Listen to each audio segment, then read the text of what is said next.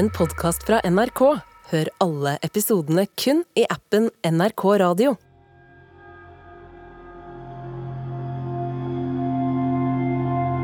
Seljordsvatnet 1983. En familie finner noe i vannkanten som skal sjokkere hele landet. Noe som var kveila sammen, som hadde en veldig tydelig ryggrad. Jeg blir skremt. Jeg syns det var ekkelt. Internasjonal presse skynder seg til kommunen. Ja, foran oss her ligger det da noe. Og hva er dette noe? Skal bygdefolket endelig få svar på ei mange hundre år gammel gåte? Det her er mysteriet om Seljordsormen.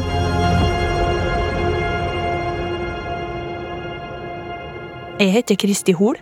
Reporter er Stian Worsø Simonsen.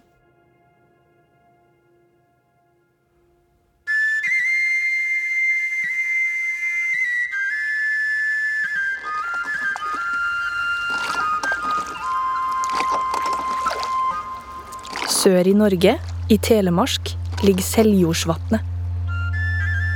En stor og mørk innsjø, innramma av skog og fjell. Her har folk i hundrevis av år trodd at noe skjuler seg. Vannet er djupt. 150 meter på det djupeste. På bunnen er det gjørmete. Gamle tømmerstokker. Mørkt. Uoversiktlig. Er det noe som gjemmer seg her?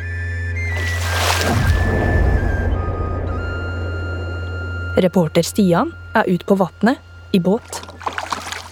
Her er det dypt. Kan jo nesten ikke se noen ting ned i vannet. Her har flere drukna uten at en har funnet dem igjen.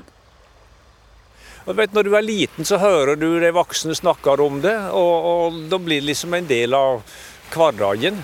Så, så der har vi liksom, har liksom alltid bodd i Sjøormbygd i Seljord. Det er nå det. Mannen som ror båten, er Jon Svartdal. Han var ordfører i Seljord fær. Hva tror du er uti her? Nei, du, altså Jeg veit ikke hva jeg tror. Jeg veit ikke hva jeg tror. Jeg har sett dette fenomenet her, jeg òg. Jeg lå og sola meg og bada her på, for en del år siden. Og da så jeg noen slike uforklarlige bølger. Det var en fem-seks slike bølger som liksom bevega seg uh, i ei retning. Og den fremste forsvant, og så dukka det opp en ny en bak.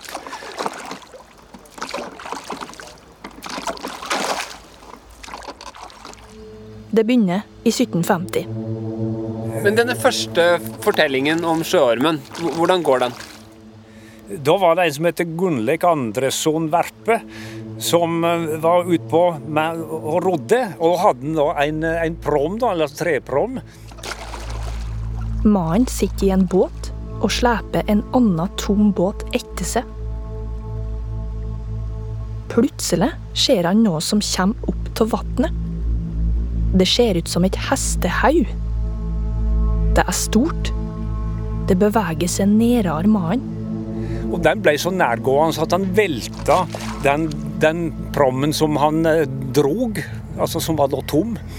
Så det er den første observasjonen vi kjenner til. Ryktet om et ukjent vesen i innsjøen sprer seg. Folk som skal ro over vannet, er redd.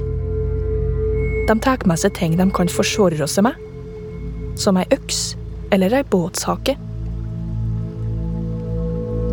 Mange år senere, på sommeren, er en annen mann på vei over innsjøen. Midt på natta. Han er for seg sjøl. Så ser han nå på vannet, rundt ti meter fra båten. Det han ser, er svart og minner om en lang tømmerstokk. Da han kommer nærmere, ser han at det har et haug med en slags kam nedover nakken. Vesenet viser seg oftere. den beste observasjonen? Ja, Den beste observasjonen, slik jeg ser det ja, Han er en, en kar som jeg eh, kjente godt og stola på. Han heter Torje Lindstøl. Det er 1963. Torje Lindstøl er ute og kjører tømmer. Stokkene skal fraktes via innsjøen. Slik gjorde de det før i tida. Og når han kom ned til vannet med et tømmerlass, der jammen der så han da et, et elghøve, tenkte han først. Nei, hestehøve må det være, tenkte han. Og så, Men til verden gir denne hesten langt ut i vannet, da. Mannen går ned fra traktoren og smyger seg forsiktig ned til vannet. Skapningen snur seg mot han. Den blunker. Så plutselig så dukka dette vesenet og forsvant. Og det ble bølger der han òg, vet du. Og han tenkte kommer den ikke opp igjen? Nei, den kom ikke opp igjen. Og han fortalte det til meg òg. Jeg sto og så utover i vannet hele dagen, sa han. Jeg fikk ikke gjort noen ting etterpå. Men det var jo ingen sammen.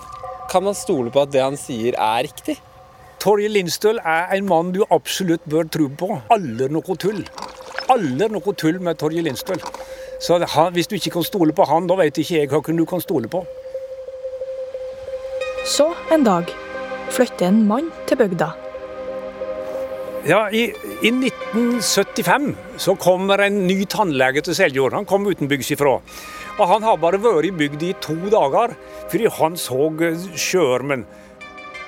Skapningen beveger seg fort. Det plasker og skummer rundt det i vannet. Tannlegen mener at det han ser, er 30-50 meter langt. Så forsvinner det, ned i dypet. Synet gjør noe med han. Han forteller det til mange i bygda, og han vil bevise at han tåler sant. Han ble så interessert i dette, så han, han stelte seg til her med et kamera med telelinse. Og når den hadde fri, særlig på kveldene da, når det var fint vær, så satt den her time etter time og observerte i håp om å få et bilde av sjørmen. sjøormen. Tannlegen setter i gang en stor aksjon. Han organiserer vakthold ved vannet. Ti personer utstyrt med kamera bytter på å observere. Men de får aldri tatt bilde av vesenet. Ergo har han ingen bevis. Tannlegen blir intervjua om det i ukebladet Hjemmet. Stian leser opp hva han sa. Vanskelig er det å se den, men nesten verre er det å ha sett den. Det følger så mye i en sjøorms kjølevann. Presse, radio, de samme spørsmålene om og om igjen. Vantro, mistro og flir. Du verden så mye enklere alt hadde vært om jeg ikke hadde sett det jeg så. Er det flaut å ha sett sjøormen? Det kan det være. Det, det kommer litt an på hvem du forteller det til. Og, og det er det, vet du, at det er noe som ikke fins, egentlig. Altså, Ifølge vitenskapen så fins ikke dette her.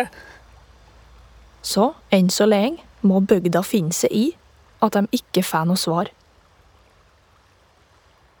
Helt fram til en sommerdag i 1983.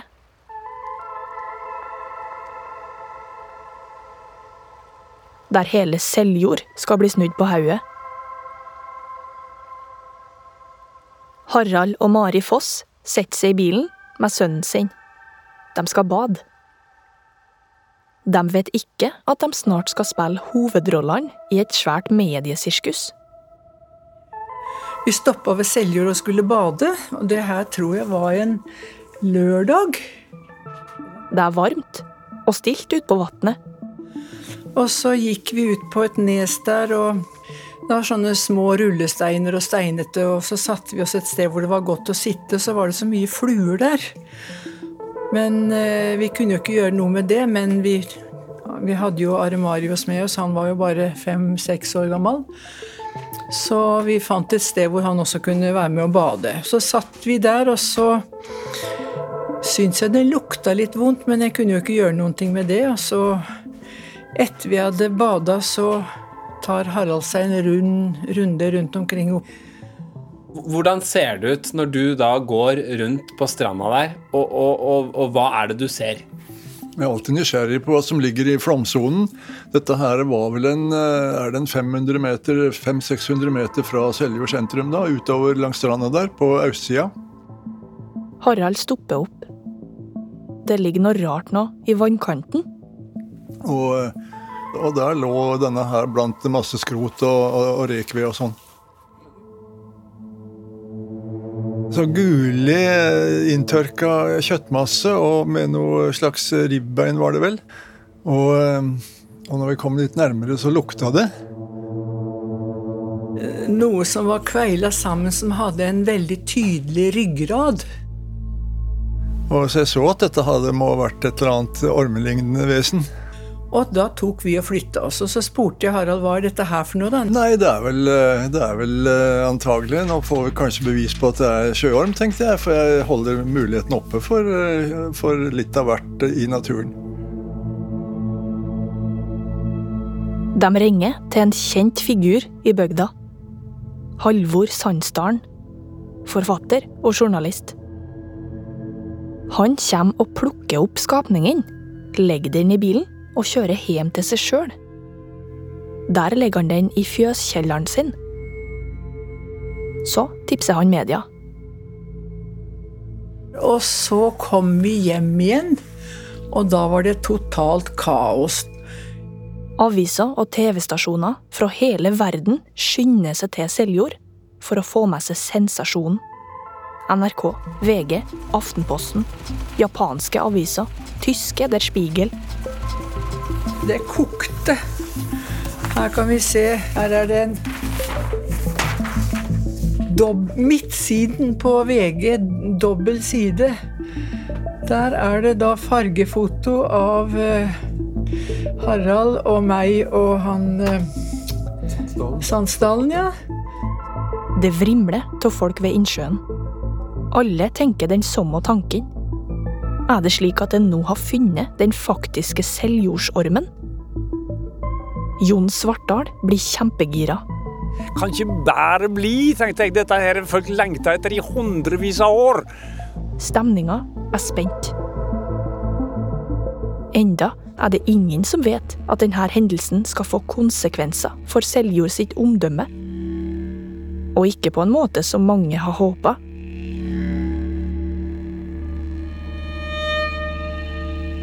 Dagsrevyen tar med seg en zoolog med sjøfly. Han undersøker det de har funnet. Ja, foran oss her ligger det da noe. Og hva er dette noe? Dette er altså et landdyr. Det er en landslange. Og på den lengde, da må det være en kvelerslange. En kvelerslange? Ikke en orm som lever i vann? Falsk alarm.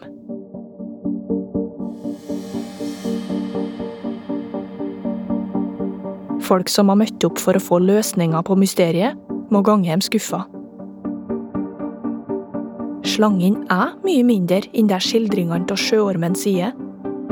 Akkurat hvordan det er kommet her, det er utenfor min kompetanse å uttale meg om. Hvordan slangekadaveret endte her i Seljordvannet, er altså uklart. Men det første jeg ser, er stor blest om sjøorm, sjøormbløff. Og Harald fikk jo skylden for at han var liksom opphavet til hele bløffet. Og det, det sa jeg bare nei til. Da, det fikk de vær så god å, å, å tro, for det, det var jo sannheten. Seljord har blitt ydmyka i beste sendetid. Jon Svartdal, han som var ordfører før, han tykker det er skikkelig kjipt. Ja, det var altså ei krasjlanding. Det var helt forferdelig. for det at Da vet du, da fikk alle skeptikerne vann på mylla. Og da, da ledde de av seljordingene når de fikk høre det, at dette her var en boa constrictor, en kvelerslanje, som var flådd. Ja, jeg syns det var helt forferdelig. altså. For nå, nå, nå blir liksom seriøsiteten til alle de som har sett sjøormen, den blir da dreid inn i tvil. Og det, det, og det, det er turistnæringen som har funnet på det. Nei, det er jo ikke det. Altså, nei, Det var helt forferdelig. Det var eh, tap av andlet for Seljord, syns jeg, da. I en annen kommune på Østlandet sitter mannen som vet hvordan det her skjedde. Og han tenker at det her skal han holde kjeft om. Og det gjør han. I mange år.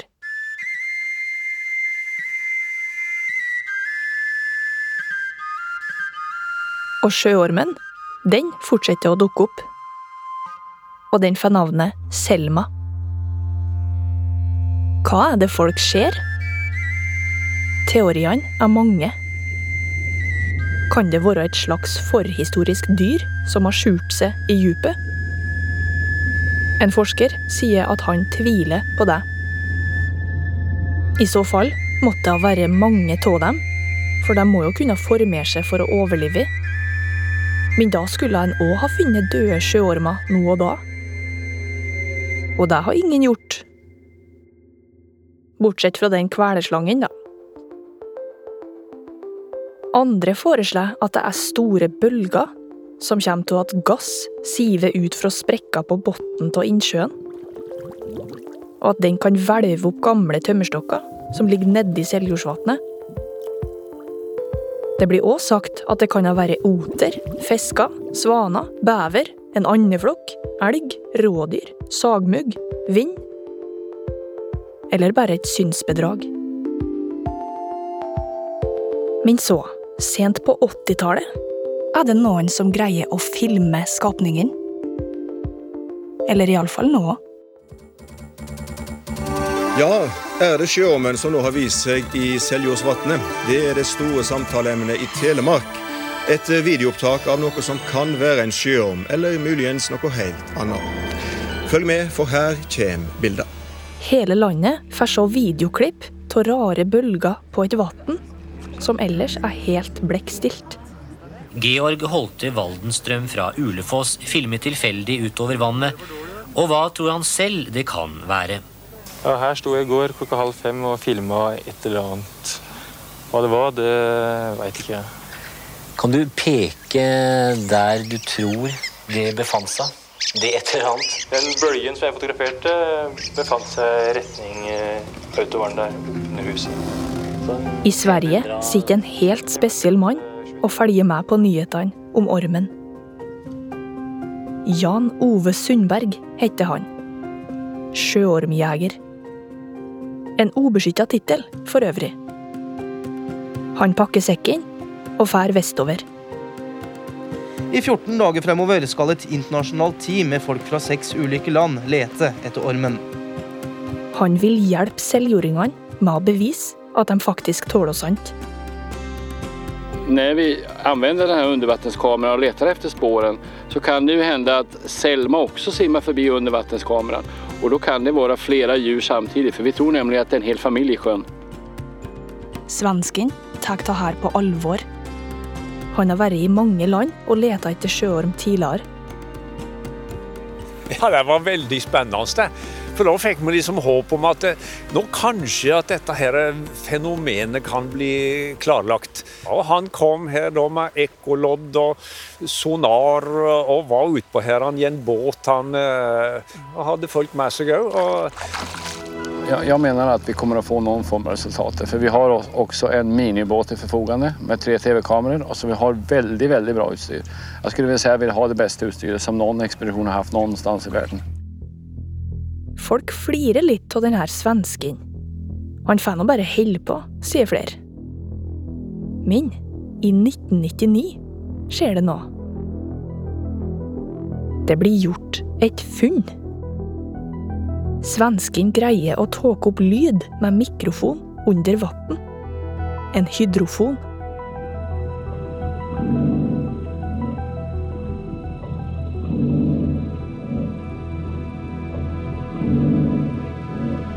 Femten forskere, bl.a. fra Havforskningsinstituttet i Bergen, analyserer opptaket. Og de sier at det høres ut som lyd med biologisk opphav. Det her er et stort gjennombrudd, sier sjøormjegeren til mediene. Sjøl om forskerne ikke kan bevise at det er lyd fra sjøorm.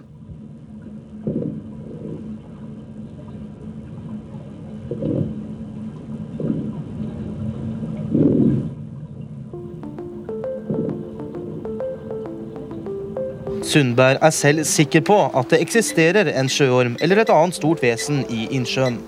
Det må være et eller annet i hvert fall. Det må det være. Og for å være helt ærlig, så tror du på det? Ja. Han, han øh, mente jo selv at han hadde noe. Ja, han hadde noe, da, vet du, men ikke som et ugjendrivelig vitenskapelig bevis.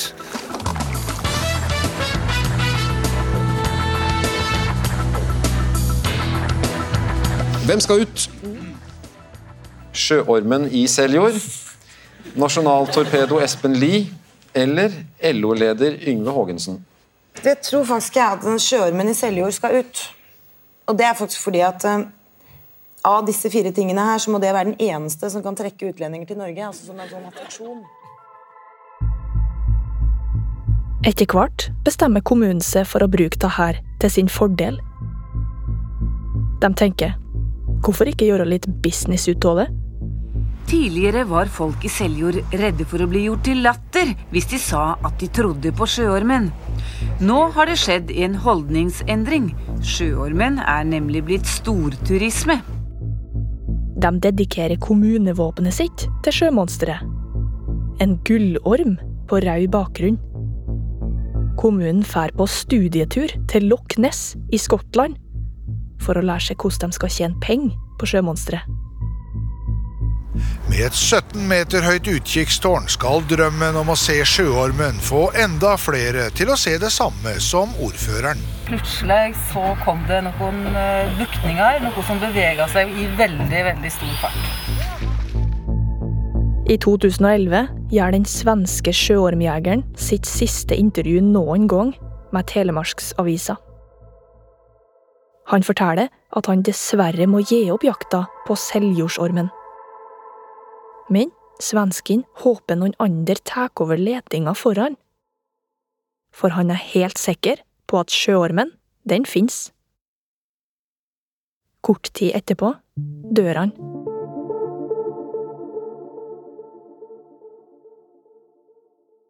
Noen år senere er Even Birkeland på jobb i et helikopter over Seljord.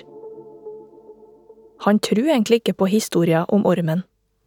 Nei, som de fleste andre, en, en megaskeptiker til eh, den slags. Jeg tror egentlig ikke på at det, at det lever noen svære i, i norske innsjøer.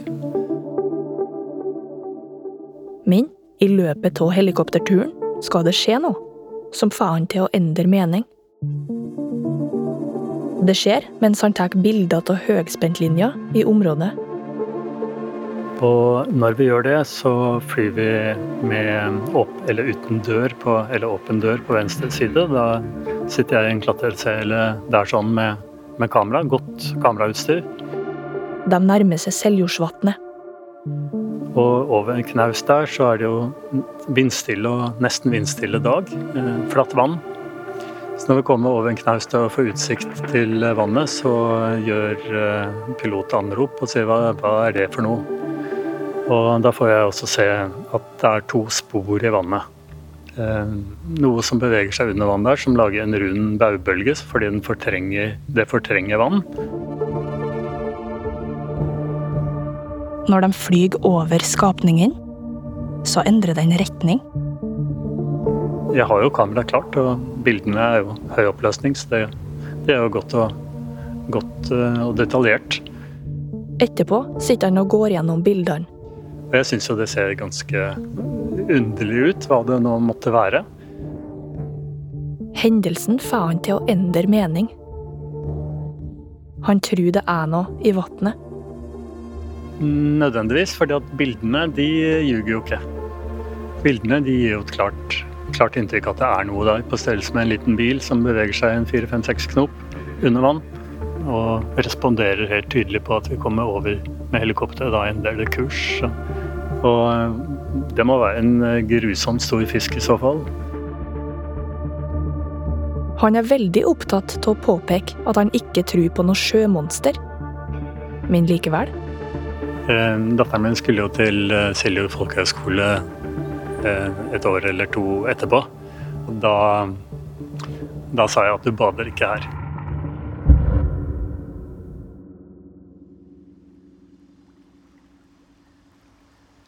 Det starta med en båt som velta på innsjøen i 1750.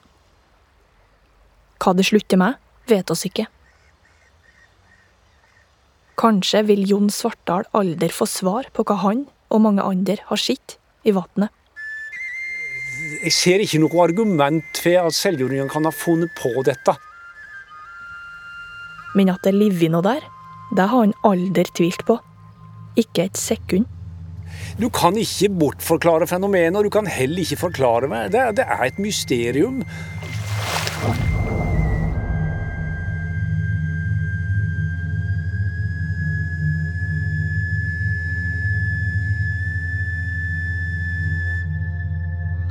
Men historien om selvjordsormen er ikke helt ferdig. For hva var det egentlig som skjedde i 1983? Da aviser og TV-kanaler fra hele verden farta til Seljord fordi de trodde ormen var funnet, for så å bli enormt skuffa over at det bare var en kvelerslange.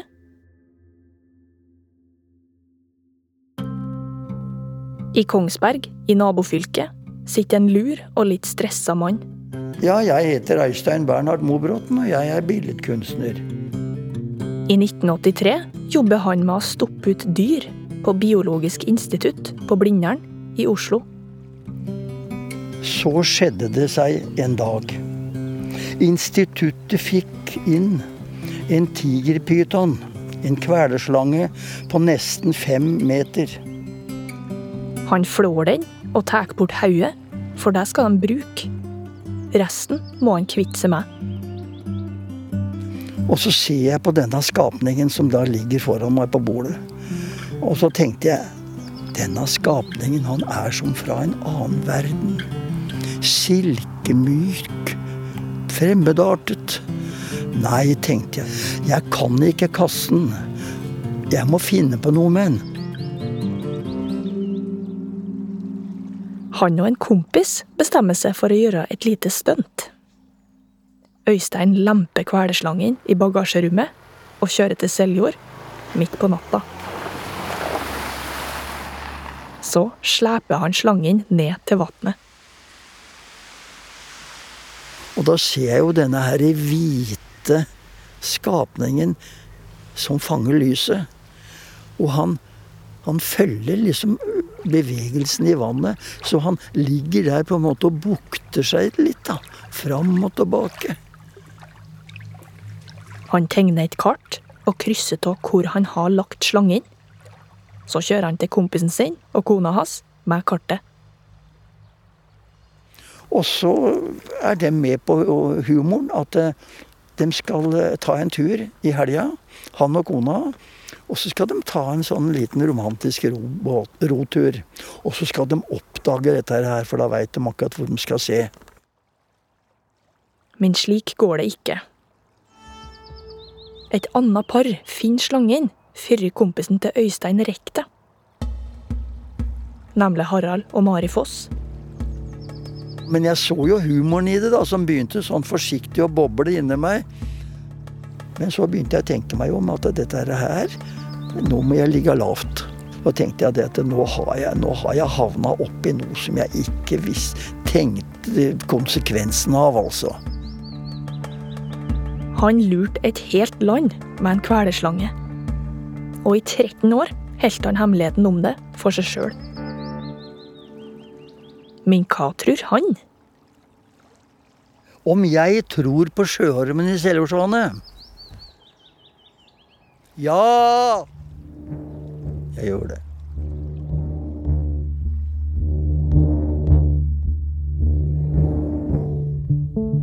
Du har hørt Mysterier fra Norge. Denne episoden er laget av meg, Kristi Hoel. Reporter Stian Worsø Simonsen. Produsent Agnete Daa Kvale Holmemo. Og lyddesigner Ingebjørg Hagerup.